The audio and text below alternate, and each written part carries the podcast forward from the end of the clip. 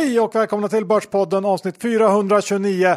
Vi ska börja med vår kära huvudsponsor som ju är Skilling, den svenskägda multi-asset tradingplattformen som fokuserar på säkerhet, snabbhet och enkelhet. Den här veckan ska vi snacka om copy trading, även känt som social trading och det här är ju ett fenomen som har bara växt sig starkare och starkare det sista året och eh, vad har vi att säga om det? Ja, men vi har ju sett hur massorna kan styra aktiekurser och jag tycker det är fantastiskt kul att Skilling har initierat det här med copy trading. Man kan ta rygg på erfarna traders som vet hur man gör. Ja, och den här tjänsten kan man då ta del av via Skillings C-trader. Där har de en copy trading tjänst och den är baserad då på, på C-traders eh, prisbelönta system får vi säga och man kan då kopiera tusentals strategier från erfarna traders. Ja, och det går även att pausa den eller starta eller eh, stoppa. Så att det är väldigt många möjligheter man har här om man vill hitta en strategi som man tycker passar ens eget aktie och tradingtänk. Så är det. Dessutom ska vi inte glömma att om man är en erfaren trader som tror och tycker att man har någonting att bidra med så kan man ju själv också eh, Eh, dela med sig av sin strategi och erbjuda andra att följa den. Så det finns alla möjligheter här. Men kom ihåg, 6% av retailkunderna förlorar pengarna om handlas efter er så besök skilling.com för en fullständig ansvarsfri skrivning. Och eh, har man ännu inte öppnat ett konto på Skilling så tycker vi att man ska göra det. Det är enkelt, krävs ett bank-id och det är bara att ladda ner appen eller surfa in på hemsidan. Med det om säger vi stort tack till Skilling. Den här veckan John är vi tillbaks fyllda av energi efter ett eh, kort men härligt höstlov och vi har massa rapporter att prata om. Vad blir det mer? Ja, man är ju superstoked som Jon Olsson är det vad jag brukar säga. Ja, det blir lynchningar, det blir massa bolag som faktiskt är eftersläntade med rapporter och där det kan finnas intressanta köplägen, men även ett gäng bolag som har gjort en väldigt, väldigt eh, besviken. Vi har Fidelitys Rickard Bentefor med oss igen och Rickard, den stora klimatkonferensen COP26 pågår just nu. Eh, är ni på Fidelity involverade på något sätt i den här konferensen? Ja, absolut i allra högsta grad. Eh, COP26 är ju en, eh, det är väl, ska man säga, världens största klimatkonferens. Vi har ju Davos i Schweiz årligen som är mer ekonomiskt fokuserad. Men COP26 tillsammans med FN-organisationerna har ju samlat det här som det största Eh, klimatforumet och vi på Fidelity är engagerade eh, via då att vi tillsammans med många andra fondbolag världen över eh, har olika initiativ där vi försöker bidra och påverka bolagen i rätt riktning mot de här så kallade Parismålen då att vi ska nå en begränsning av den globala uppvärmningen. Jag går inte in mer på djupet där men vi är självklart högt involverade i det här.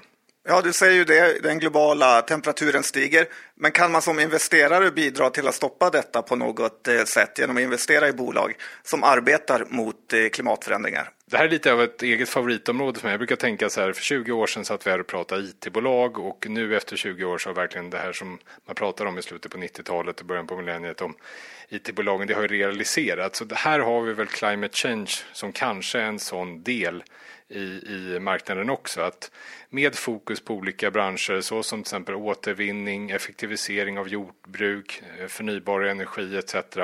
Eh, och tittar man på det här universet så finns det ungefär 600 bolag världen över som har just det här exponeringen i olika faktorer. Så vi tror att och tycker att det är jätteintressant just den här sektorn som en ny framtida investeringstrend. Tack för det Rickard. Eh, vi ska också påminna om att investeringens värde och eventuella intäkter från dem kan både minska och öka. Det kan hända att du inte får tillbaka det investerade kapitalet. Våra sponsorer tar inget ansvar för det som sägs i podden och åsikter uttryckta kan redan agerats på och inte längre gälla. Stort tack till Fidelity International. Johan Dr. Bass Isaksson index i 23-26 och det är relativt lugnt eh, på börserna får man ändå säga. Så är det och eh, med stora delar av rapportsäsongen bakom oss, eh, räntor som har vänt ner, så har ju börsen också jobbat sig uppåt och vi är inte särskilt långt ifrån de här topparna vi såg tidigare år. Och om du tvingar mig att gissa nu John, och det gör du, eller? Ja, jag tvingar ja, dig gissa. Då tror jag att det fortsätter upp en bit till nu. Eh, Julenisserallyt tar oss nya highs. Ja, men jag håller faktiskt med om det. Ja, då har vi avklarat det, inga konstigheter. Ska vi gå över till eh, det som hände igår kväll. Ola, Rolén. ja, efter stängning så gick ju Hexagon ut och informerade att eh, Ola Rolén sålt av en och en halv miljon aktier i bolaget. Ungefär 75 procent av hans innehav. Och eh, eh, Bråse var ju faktiskt ute och skrev i DI om den här möjligheten eller risken, hur man nu vill se det, för någon vecka sedan bara. Eh, det var ju snyggt av Bråse, men en stor anledning till att Bråse gissar rätt är ju att Ola har hyvlat av sitt innehav med jämna mellanrum tidigare. Och vid alla de här tidiga tillfällen så har det visat sig vara en väldigt bra affär att köpa Olas aktier. Jag tror inte att man ska tolka in särskilt mycket i det den här gången heller. Um, och på många sätt så är det här sättet som Ola avvecklat sitt stora innehav i Hexagon uh, under många år på snyggt kan jag tycka. Det tar liksom udden av dramatiken att sälja av i omgångar och Ola är ju absolut värd att skörda frukterna av det här hårda arbetet under drygt 20 år som han varit vd för Hexagon. Eh, nu sitter Ola kvar med ett innehav som uppgår till runt eh, 117 miljoner tror jag det var. Eh, en summa som jag gissar tar honom ganska högt upp i pilotskolerankingen. Men som ändå på något sätt är väl ganska liten för honom. Jag har svårt att inte tycka att det känns som att det närmar sig någon slags vd-exit för Ola ändå. kanske inte riktigt just nu, men det, det närmar sig tror jag. Ja, faktiskt. Och känner man Ola rätt så har väl han redan sett ut någon typ av kronprins eh, som kommer ta över. Eh, så att eh, jag unnar Ola alla de här pengarna och jag tror inte Hexagon är ett dåligt bolag för att han lämnar, utan hans aura sitter i väggarna. Ja, jag håller helt med om det. Nu John vill jag ju höra vad du har gjort för lunchningar. På höstlovet i Ja, jag tror inte att du är ensam om det direkt, utan det är nog hela svenska folket eh, som vill höra. Du var i Marbella som vanligt och jag var på Rhodos i Grekland. Och eh, jag tänkte ge folket lite lynchningar eller spaningar som man säger i resten av Sverige och du kan säkert fylla i. Det ena är ju att Kopparbergs känns helt dött. Ingenstans såg man deras produkter och ingenstans såg jag någon som ens drack det. Jag är rädd för att Peter Bronsrand är på väg att bli överkörd av de större drakarna. Och eh, det är faktiskt så att i USA pratar man ju mycket om att bryggerinäringen är något typ av distribution game för att kunna få någon lönsamhet i det. Så att det, det handlar om att vara så stor som möjligt och där ligger ju faktiskt Kopparbergs i lä mot eh, jättebryggerierna. Och eh, ja, hur var det med ciderkonsumtionen i Marbella? Nej, men det, jag, jag gör ju samma spaning i så fall för att min lokala Mercadona så eh, är Kopparbergs utbytt mot eh, något slags eh, fake Kopparbergs. Man har gjort en, en, en, etikett som ser ut som Kopparbergs fast eh, lite fulare kan man säga. Okej, okay, då är den fruktansvärt ful med tanke på Kopparbergs redan ganska ful etikett. Ja. Okay. Ja, men bra, då stämmer nog den och eh, lite varningens tecken för Kopparbergs. Eh, sen har jag också varit på H&M, vilket jag tycker är en kul turistattraktion att gå på när man är i andra länder. Det låter spännande. Ja, och eh, det var faktiskt så mycket svenskar inne på den här H&M att när jag skulle betala så började jag prata svenska med tjejen i kassan, för jag glömde bort att jag var i ett annat land.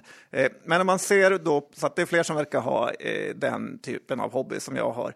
Men när man ser ser H&M i jämförelse med Sara eh, som låg i närheten så, som då ägs av Inditex, så känns det verkligen som att H&M har blivit ett eh, lågprismärke i allt från hur lokalen ser ut eh, till hur man hänger upp kläderna. Lite av den här lastpallsprincipen får man inne på H&M. Du vet att H&M's affärsidé bygger på lågpris? Ja, men jag tror faktiskt att, och det, som sagt, det behöver inte vara fel att vara någon typ av klädernas europris eller dollarstore, för de bolagen går ju riktigt bra. Men jag tror ändå att man har en annan eh, självbild faktiskt. Eh, men tar du Divided jämfört med typ Massimo Dutti så är det ganska stor upplevd skillnad hos eh, kunderna skulle jag säga. Ja, men jag håller med, eh, absolut. Det finns ju en enorm skillnad. Sen eh, har det varit så ganska länge så jag vet inte om det är någonting nytt direkt. Men eh, ja, Nej, men de skulle nog nästan kunna rebranda om sig till att bli ett eh, lågprismärke och det skulle gå bättre. De är eh, ett lågprismärke, ja. Men det hänger ju inte riktigt ihop med den här eh, att vara miljövänlig heller. Skulle man säga. Fast retailing och vara hållbar är ju inte riktigt hundraprocentigt kompatibelt. Nej, de har sina utmaningar. Och, Absolut. sen då tänkte jag slutligen säga något om eh, lite så här klassiskt grekiskt beslut eh, som igår såg jag att de kom med att de ska stoppa all försäljning av diesel och bensinbilar från 2030. Och eh, det känns ju helt omöjligt. Jag såg inte en enda Tesla, inte en laddstation eller elbil där. Inte ens mopparna går ju på el där, så att hur de ska kunna ställa om på relativt kort tid känns faktiskt overkligt. Jag gissar att det är något liknande i Marbella faktiskt. Ja, det är väldigt lite elbilar. Så att jag tror hela södra Europa eh, har samma problematik när det gäller sånt. Du, jag eh, känner att jag måste ta upp det här för jag är ganska upprörd. Eller riktigt upprörd får jag säga. Alltså? Mm. Vet du varför? Nej.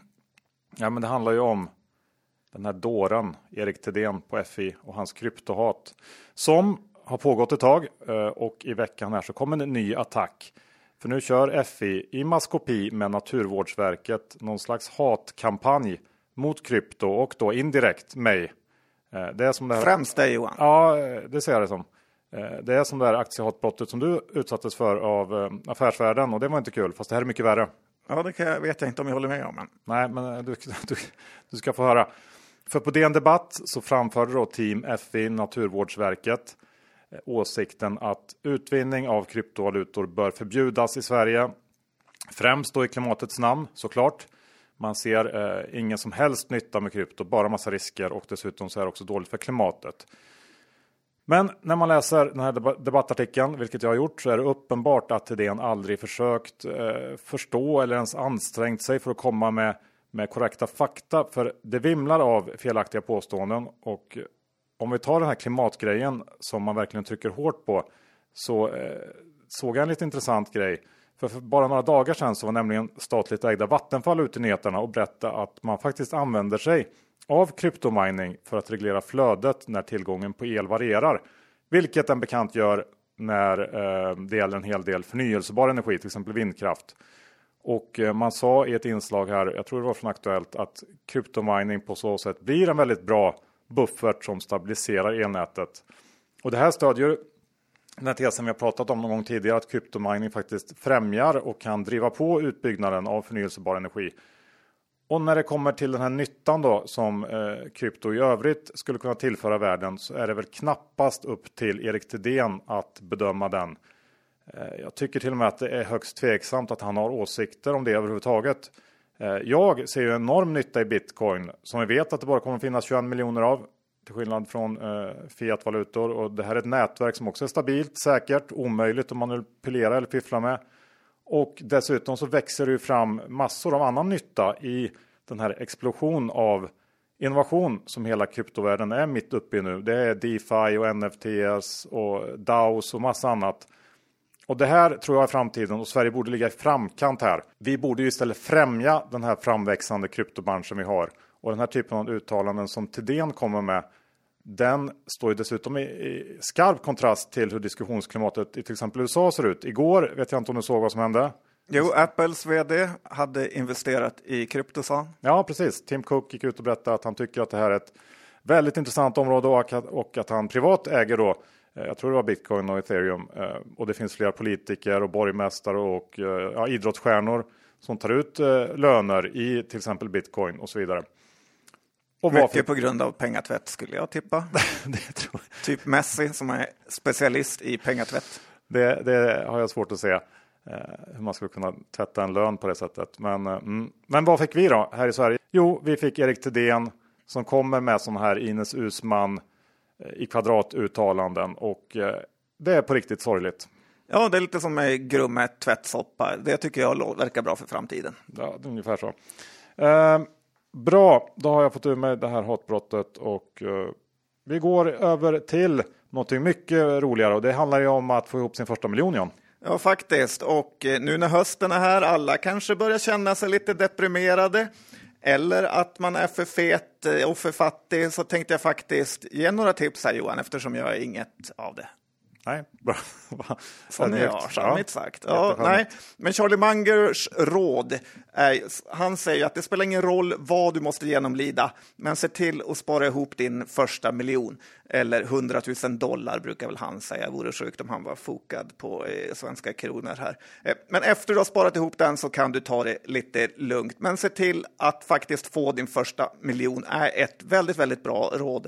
För ett år som 2021 eh, när börsen är upp med nästan 30 procent så hade du en miljon i början av året och har gått ungefär som index så har ju din förmögenhet då ökat med 300 000 kronor.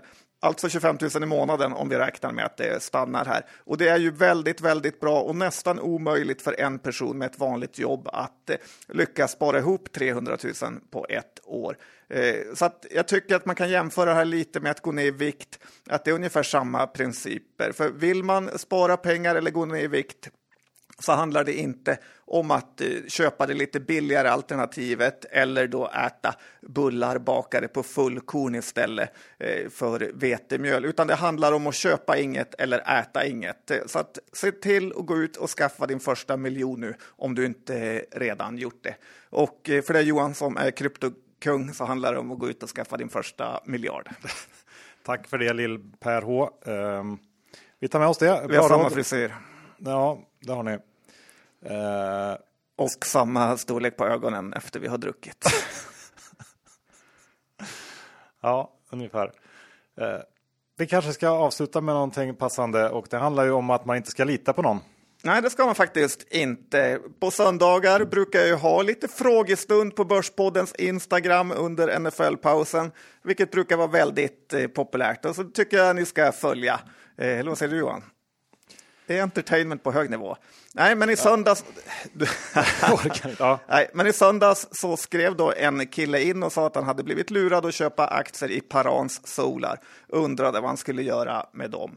Men grejen är att man får absolut inte köpa aktier bara för någon annan har sagt det, utan man måste göra hemläxan själv. Jag tycker ett bra exempel är att kolla på Solid X Eh, affärsvärlden, eh, som gör en stor grej av sin IPO-guide, gav den här IPOn noll röda flaggor. Sen gav man den rådet teckna och efter någon dag på börsen så hade den tappat 20 procent från eh, teckningskursen. Jag tycker själv det är ett ganska jag tycker själv att det verkar vara ett ganska intressant bolag som är någon typ av IT-konsult utan eh, fasta kontor. Eh, nästan som någon typ av faktureringsbolag för konsulter som inte vill köra eget, eh, skulle man kunna säga. Och jag har köpt lite aktier här efter IPO-fiaskot. Men grejen är att man alltid, alltid måste göra hemläxan själv, oavsett vem som säger att man ska köpa vad. Vi är denna vecka sponsrade av Cameo och Cameo är en plattform som möjliggör för alla att investera i lån till företags och fastighetsprojekt. Man lånar helt enkelt ut till det projekt som man själv tycker är intressant och får sin ränta varje månad under löptiden. Så här långt, eh, om man tittar på den genomsnittliga årsräntan på alla projekt som Cameo har genomfört, så ligger den på 9 Ja, jag tycker det här är väldigt intressant. Eh, som sagt, jag gillar att man får ränta varje månad, men det jag kanske gillar ännu mer är ju att Ilja Bataljan är en av storägarna bakom det här företaget. Så är det. Han vet ju vad han gör i fastighetsbranschen.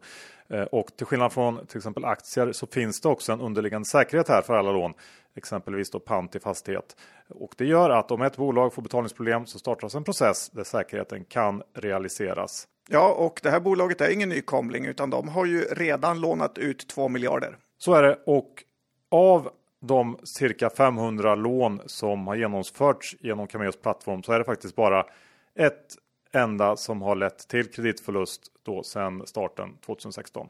Ja, det här gillar vi verkligen mycket. Så vad ska man göra Johan om man är intresserad? Då tycker vi att man ska surfa in på Cameos hemsida och eh, det är cameo.se. Cameo stavas M-E-O. Vi säger stort tack till Cameo!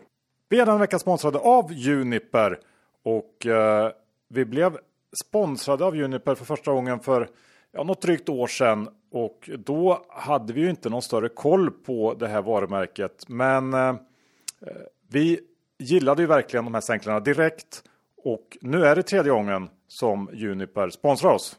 Ja, och under den här perioden så har vi faktiskt blivit trogna kunder och köpt både mer sängkläder och deras fantastiska handdukar. Och det är inte så att jag är någon handduksexpert, men de är ju otroligt krispiga. Varför är de det Johan? Jag gissar att det beror på att de använder världens finaste bomull i sina produkter och det märks faktiskt för att det är någonting helt unikt. Nu har vi ett erbjudande till alla lyssnare. Vi ger 300 kronor i rabatt på alla ordrar över 1500 kronor med koden Borspodden 300 i ett ord. Eh, det här erbjudandet gäller till och med 18 november så passa på innan det tar slut. Ja, det är en perfekt eh, present eller julklapp. Precis, alltså eh, koden Borspodden 300 i ett ord Och eh, det är bara att surfa in på Juniper och titta runt. Vi säger stort tack till Juniper. Då var det dags för bolagssnack Jan. Ehm, eftersom det här är en podcast så tänker jag att det passar bra att ta upp två ljudbolag som har rapporterat. Ja, faktiskt. Mm. Storytel och Acast. Eh, när det gäller Storytel så snackade vi för några veckor sedan om risken för sänkt helårsprognos för betalande abonnenter igen. Så blev det också. Eh, tidigare så räknar man med Eh, 1,95 till 2 miljoner eh, abonnenter här vid årsskiftet och det intervallet sänktes nu då i samband med rapporten till 1,82 till 1,84 miljoner. Det får man ändå säga är en ganska rejäl kapning och enligt bolaget så beror den här missen främst på att Indien och Ryssland eh, det är marknader som går trögare än väntat. Dessutom så pratar vd Jonas Tellander om att det kommer att krävas både lite stolpe in och förvärv för att nå de här långsiktiga 2023 målen och det uppskattades inte av marknaden. Aktien brakar ner nästan 20% och det här är väl ännu en digital pandemivinnare som fått ge tillbaka hela fjolårets kurslyft egentligen eh, efter ett trögt 2021. Kan ju vara en av de sämsta kommentarerna från en vd att han behöver stolpe in. Ja, stolpe in hittar jag på, men eh, ungefär så var sammanfattningen. Okej, okay. ja, då var det inte lika dåligt. Nej, det var, det var lika dåligt för det var det som var, eh, liksom, eh, det var det han menade. Eh, Fokus nu är väl att hitta tillväxten igen. Eh, förutsättningarna nästa år ser bättre ut. Det blir ju enklare jämförelsetal. Man har det här Spotify-samarbetet som kanske kan bli nytt. Jag vet inte, en del hoppas på det. Eh, jag har ganska länge varit negativ till Storytel, men eh, om det vänder lite grann så tror jag att vi det börjar i alla fall närma sig ett intressant ingångsläge. Ser mer intressant ut än på länge i alla fall tycker jag. Ja, jag har aldrig gillat Storytel heller just för att ju mer aktiva kunder man har som lyssnar på fler böcker, desto större förlust genererar Det där har du de. fått helt om bakfoten. Men, nej, nej, så är det inte. Ah, Okej, okay. okay, vem varnar för att det skulle gå käpprätta? jag orkar inte faktiskt, utan vi går vidare istället. Ja, eh, Acast. Eh, ja, poddbolaget Acast rapporterar sin Q3 igår. Acast har ju haft det tufft på börsen sedan noteringen i juni belönades faktiskt med en uppgång eh, på ungefär 6% igår eh, på den här rapporten och tillväxtmässigt så ser det bra ut. Omsättningen steg med nästan 90% till 265 miljoner. Men problemet är att förlusten också stiger från 37 miljoner förra året till nästan 53 miljoner i rörelseförlust i årets Q3 och jag hade ju gärna sett att man gick åt andra hållet för just nu känns det som att det är en väldigt lång väg att vandra för att bara nå break-even. Och om man då eh, faktiskt får eh, sätta på sig någon slags proffshatt här i egenskap av poddkreatör så har jag lite svårt att se något större värde i de tjänster som Acast erbjuder. Sådana som oss, John. Eh, vi har ju själva aldrig haft något problem eh, som någon kan lösa utan ja, vi löser det mesta själva helt enkelt. Här förstår jag såklart att för andra så passar säkert Acast perfekt. Men för att bli intresserad av den här aktien som jag tycker dessutom är alldeles, alldeles för dyr så skulle jag vilja känna att det finns någonting unikt i det de erbjuder. Men där är vi inte idag, så jag passar. Nej, men jag håller med och det är väl lite grann som vi sa i för förra avsnittet att det är konsumenterna som gynnas av de här förlustbolagen. Att man kan faktiskt konsumera deras tjänster till ett subventionerat pris som investerarna just nu betalar. Mm. Ska vi ta eh, lite eh, en sväng bland de lite mindre eh, förvärvsbolagen? Jag tänker Duroc, om vi börjar med den. Ja, de har ju rapporterat. Det är väl börsens eh, sämsta compounder och kanske mest aktieägarovänliga bolag. Nu tycker jag att du är hård. Ja, kanske, men också irriterad över kursnedgången här. Peter Gyllenhammar äger 80 procent Eh, av det här bolaget och verkar inte känna någon större stress av att eh, göra oss andra aktieägare rika. Aktien föll ganska hårt på sin rapport eh, trots att den gått dåligt innan för att resultatet var ungefär samma som förra året och man hade nog hoppats på lite mer då man inför Q2 faktiskt gjorde två omvända vinstvarningar. Man skyller som många andra bolag på komponentbrist och att man haft någon liten härva i Frankrike men säger samtidigt att intjäningen det här kvartalet inte i närheten av vad man ska kunna prestera på lite längre sikt. Så det här kan vara ett bra läge att plocka upp Eh, aktien. Aktien är ju väldigt illikvid och det här är ju ingen aktie som bara tickar uppåt utan utan det kan gå sex månader mellan uppgångsfaserna. Så att det som Jocke Bornholt säger, det här är inget för nybörjarna. Nej. Det är det, det sjukaste någon någonsin sagt. Kanske. Eh, bra. Eh, sen tänker jag också att vi kan riva av Technion också ultralöparbolaget. Faktiskt, och eh, det här är ju däremot en serieförvärvare som eh, toklevererar eh, och då gör Johan Stene som är vd rik här. Hans aktier som under corona var värda under 20 miljoner kronor är nu värda 161 miljoner kronor, vilket kanske gör honom till världens rikaste ultralöpare. Eh, och i vd-ordet så brukar Johan Stene avsluta varje... Skriva jättehemska och jobbiga saker. ja, eh, han är lite klämkäck där får man säga. Men han brukar avsluta varje rapport med att eh, skriva Run far, be nice. Och jag har faktiskt ett förslag att han ska kunna ändra det till något annat. Vad tror du om det här? Run a roll-up, be stenerik. Ja, Uh, no comments. Nej, nej. Och Jag, jag, skulle nog vända på de här tolkningarna. Ja, jag, jag tycker Technion är, är, lite väl högt värderat här, alldeles för dyrt och Duroc tycker jag känns mycket mer intressant. För Technion har ju tagits upp i det absoluta finrummet av roll-ups. De har ett P-tal nära 40 nu, alltså Indutrade-nivå. Och eh, det är faktiskt väldigt svårt att hänga med i börsens svängar. Vad som kan vara iskallt eh, under en period kan några månader senare vara stekhett och därför är det så svårt med timing. Så att, eh, och Tecknion har väl dessutom som, lite som affärsidé nästan att köpa kassabolag? Ja, verkligen. De köper bolag som går med förlust. Johan Sten har ju själv sagt att de bolagen han tittar på är det ingen annan än han som kan köpa för att det är så fruktansvärt härvigt. Nej, man ska tänka på det. Ibland är det något iskallt och ibland är det stekhett. Det var någon smart Johan som fick frågan hur man skulle tajma det här med aktieköp. Då sa han köp när du har pengar. Mm, så kan man göra. Du är svårflörtad idag. Ja, jag känner det. För 430 ehm, avsnittet ska... i rad. Ska vi ta LMK då, alltså Linas matkasse? Ja. Om vi ändå är inne på, eh, ja, eller det är vi inte inne på. Men vi har pratat om lite sådär nynoterade semi-digitala bolag. Eh, och Linas matkasse kom eh, med sin Q3 igår. Det här är ju ett, ett bolag som noterades tidigare år med då ett boostat 2020 i ryggen. Framförallt så är det väl lönsamheten som så här i efterhand i alla fall framstår som, som konstlat hög under förra året. Jag gissar att man under 2020 fick en hel del eh, nya kunder gratis och att den typen av kundanskaffningskostnader nu börjar komma ikapp. Eh, för det var ökade, eh, ökade marknadsföringskostnader som, som eh, bidrog till att minska vinsten. Eh, det är någonting man flaggar för också i rapporten att det eh, håller man på med nu för att driva tillväxt. Eh, och tillväxten den uppgick till knappt 10 i Q3, taktade ner något under kvartalet jämfört med första halvåret. Eh, men man har också tuffare jämförelsetal nu under, under andra halvåret. Eh, och Q3 är också ett svagt kvartal där många pausar sina matkastar under semestern. Eh, tittar man framåt så ska man kanske inte hoppas på förra årets nästan 8% i marginal i närtid. Men lite bättre än de knappa 3% som man har presterat så här långt i år tycker jag att LMK borde kunna klara av. Och givet att börsvärdet nu ligger en bit under 500 miljoner och att omsättningen ser ut att hamna någonstans runt 1,4 miljarder i år så känns ändå aktien billig här.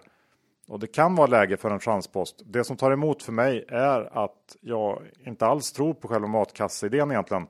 Eh, och det är svårt att komma runt lite grann. Två grejer. Det ena är ju att Erik Thedéen kanske borde titta lite närmare på alla de här bolagen som har satts till extremt hypade kurser eh, än att eh, jobba med Naturskyddsföreningen. Och det andra är ju att det verkar ändå ha, vara hyfsat hett med mat. Vi såg ju ICA eh, var bud på dem här idag. Eh, inte omöjligt att de vill förstärka sin online-del. Så att eh, liten chanspost tycker jag låter kul i Linas matkasse. Mm, en bra poäng. Vi eh, byter bransch och går över till Mekonomen. Ja, det är en gammal Börspodden-favorit som hänger med och, och anledningen till att den hänger med och är en favorit är ju att aktien är så extremt volatil trots att det borde vara ett ganska stabilt bolagsbygge. Aktien var på rapportdag uppe i 183 kronor nästan och fick insynsköp av vdn på 178 och nu står aktien i 143 här. Jag tror det är ett köpläge och att aktien har sjunkit lite för lågt och robot då robotarna har trasat sönder den fullständigt eh, på både upp och nedsidan, så ingen vet riktigt var den ska stå. Eh, jag tycker vi har sett många liknande rapportreaktioner i andra bolag där eh, den först gått upp väldigt mycket och sen har aktien eh, kraschat eh, för att sen då studsa tillbaka till någon typ av mellannivå. Eh, men här har jag i alla fall tagit ett bett på att nedgången är en överreaktion. Eh, mekonomen kanske har ett P-tal på 11-12 och jag har börjat gå på lite min egen story här om att man kanske ska jämföra det mer mot Cary Group och då kan man verkligen få upp värderingen här. Och sen tycker jag att man har några intressanta saker framför sig. Eh, dels att man har den här klassiska att LKQ lägger ett bud i dessa budtider eh, som vi såg idag med ICA, att huvudägarna köper ut bolaget. Eller att Mekonomen själva köper något nu när man städat eh, balansräkningen. Eller det tredje att man eh, faktiskt börjar dela ut en massa pengar igen och bli en högutdelare nu när man faktiskt hållit inne utdelningen i tre år. Så det tycker jag väger upp eh, riskerna och har faktiskt köpt en liten stek. Ja, men jag tycker att det är ganska rimligt. Eh, jag ser ingen jätteuppsida kanske, men Ehm, rimlig sving, eh, svingbett att ta. Eh, jag tänker också att eh, eftersom vi har i de sista avsnitten pratat mycket om alla dopade e-handlare som skickades in på börsen på toppen för att sedan haverera totalt så tycker jag att vi, vi kanske ska balansera upp det här eh, med att säga några ord om Revolution Race som släppte sin Q1 eh, blir det för 2021 då, i 22 igår. De har brutit år eh, och det här är väl undantaget som bekräftar regeln får man säga. För även om, om tillväxttakten sjönk lite sekventiellt så är det fortfarande sinnessjuka siffror som det här bolaget presterar. Eh, med nästan 100 i omsättningstillväxt. Eh, riktigt stark ebit-marginal, 28% där. Revolution Race hör till de högst värderade i den här nischen, sektorn. Och aktien hade innan rapport heller inte tappat i närheten av lika mycket som de flesta andra i sektorn. Men det verkar som att det finns en god anledning till det. Eh, det här bolaget har uppenbarligen hittat ett riktigt vinnarrecept med sin direktförsäljningsmodell och sitt fokus på friluftsliv. Eh, och eh, det här bolaget har också klarat av alla leveransstörningar galant. Så att gårdagens uppgång på runt 10 tror jag det var, tycker jag är välförtjänt. Ja, men det är kul att det finns bra bolag också och grattis till alla aktieägare där. Ja, Sen vill jag höra lite om Swedish Match för precis som du sa så har den nu efter rapport tappat ganska mycket på lite förnyad oro kring skatter och sådär i USA. Ja, den har hamnat i verkligen så här informationsdrev eh, som har dragit det neråt med sänkta rekar och sen det här förslaget i USA att man ska ta ut någon eh, form av konstig nikotinskatt på eh, portionslåtsas eh, snus då. Och eh, det är precis sånt här som brukar generera köplägen i kvalitetsaktier. För det finns alltid en anledning till att aktier går ner och det här är väl just nu anledningen för Swedish Match. Och jag tror man kan börja bygga en liten position för sen när det här har lugnat ner sig så kommer marknaden komma fram till att det är ett kvalitetsbolag som är alldeles för billigt. Och eh, sen blir det ju som vanligt det är lite snack om uppköp och så vidare. Så att när den här så kallade Mr Market ger tillfällen så måste man våga ta dem. Eh, det blir inte alltid rätt, men det är betydligt bättre att köpa Swedish Match på 67 än på 80 som den kostade för bara två veckor sedan. Ja, jag håller med. Jag har faktiskt också köpt i den här. Ja, har jag. Eget, eget bevåg. Ja, utan att säga till. Ja. Um, ska vi ta uh, den här lilla bank-id-utmanaren också, Freja ID? Ja, det är ett förhoppningsbolag som efter dagens rapport räknar jag faktiskt helt ut. Jag har i och för sig räknat ut det innan, men efter jag testade tjänsten så, och dagens rapport så gör jag det igen.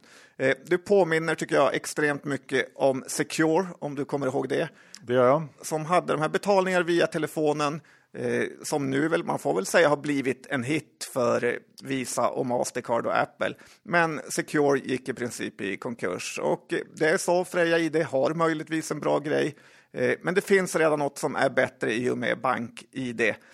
Detta kvartal så omsätter man 900 000 kronor och det är alltså på tre månader. Det finns ju dedikerade tipptappare som omsätter mer än Freja ID.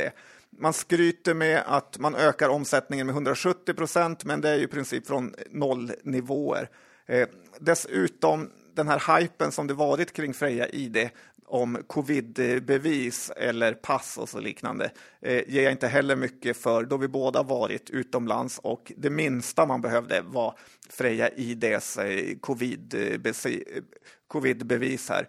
Det är möjligt att deras teknik är så bra att de kan bli uppköpta, men det är ju helt omöjligt för eh, en lekman att säga. Så att vill man slippa ifrån en sån nyemissionsfestival så ska man hålla sig borta från Freja ID. Ja, jag håller helt med.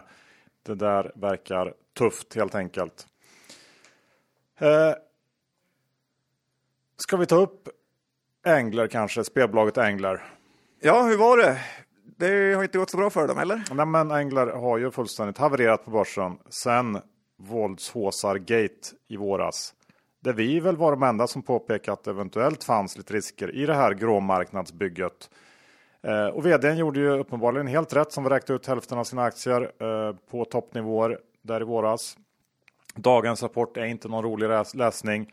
Jag tror att en stor eh, bidragande orsak till att aktien under en kort period balla ur här i början av året, förutom eh, generell pandemidopning kanske i den här sektorn, det var att den här ETFen Bets under en ganska kort tidsperiod vräkte sig in med stor volym i aktien och jag håller väl fast vid att bolagets hela affärsidé med att erbjuda spel på svarta och gråa marknader den är inte hållbar i längden. Det funkar i perioder, det kan till och med gå riktigt bra, men på lång sikt så är det här inte rätt sätt att bygga bolag på.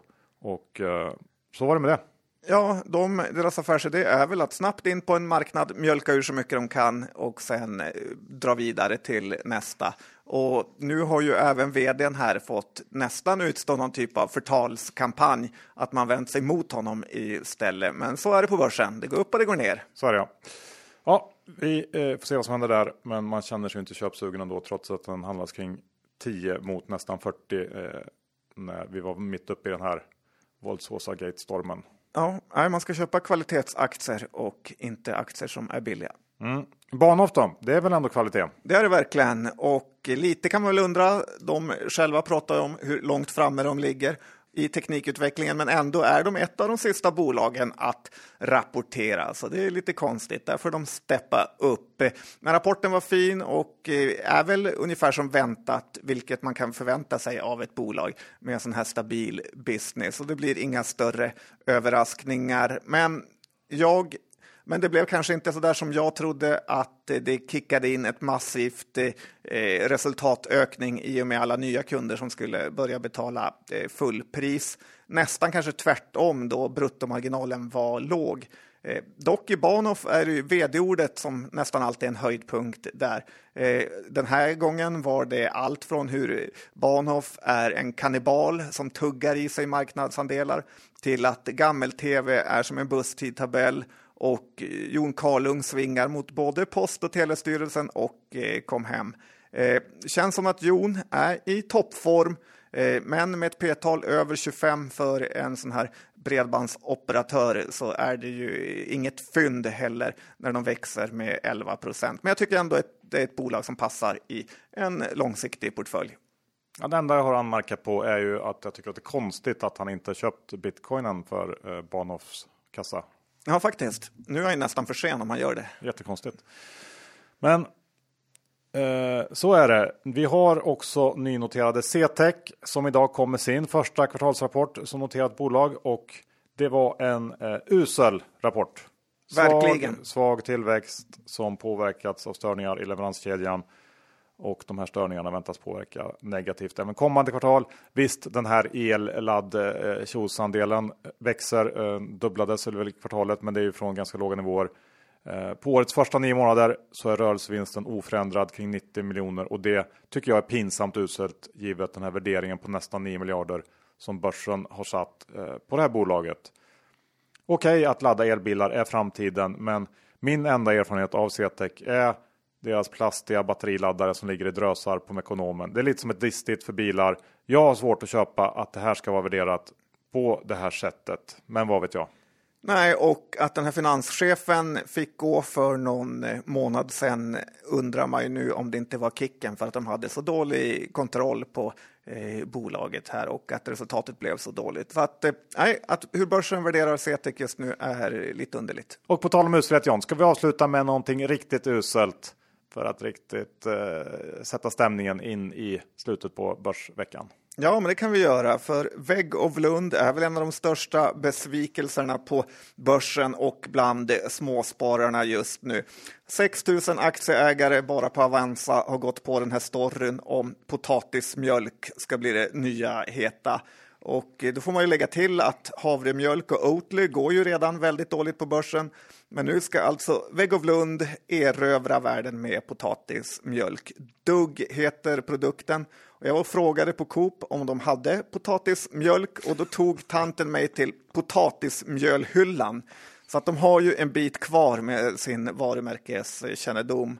Eh, ska jag berätta lite om ett annat bolag som försökte ge sig in på mjölkbranschen. Eh, och de satsade på getmjölk. Det. Eh, kom du ihåg Johan när jag köpte getmjölk till oss för att testa och jag fick typ en skrattattack över hur vansinnigt äckligt Det var Dalspira det, va? Ja, precis. Och Dalspira är ju nu värt 20 miljoner kronor så det blev ju ingen riktig eh, succé. Vilket för dig låter som mycket, ganska mycket. Ja, det är väl börsplatsen. Nej, men det finns många som tror på potatismjölk och Vägg av Lund. Rapporten igår eh, visade absolut ingenting som tyder på att den har fått eh, fotfäste. Det är stora förhoppningar på Q4 här, men om det inte lyfter så kommer det. De har satt sin sista potatis. Ja, det känns. ja, det känns bara ganska när man tänker då hur att man kramar ut massa saft ur en potatis. så jag antar att det är det som är mjölken då så att säga. Ja, jag hoppas det. Så känns det inte särskilt gott. Ja, det känns jätteäckligt faktiskt. Ja. Slut på avsnitt 429. Det var ett härligt avsnitt och vi säger tack såklart till vår huvudsponsor Skilling som satsat på säkerhet, snabbhet och enkelhet. Har ni inte ett eh, konto eh, öppet så tycker vi att ni ska öppna det direkt. Nu är det rapportperiod och det kommer rapporter både i Sverige och i andra länder. Då är det bra att ha appen redo så att man kan agera om det behövs. Men kom ihåg 66 av retailkunder förlorar pengarna handlas efter er så besök skilling.com för en fullständig ansvarsfri skrivning. Och John, eh, ska vi titta lite på våra innehav?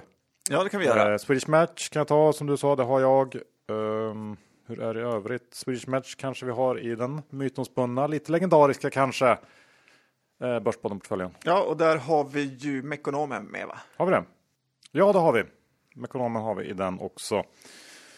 Eh, annars tror jag att det inte är någonting direkt för mig. Har du någonting mer?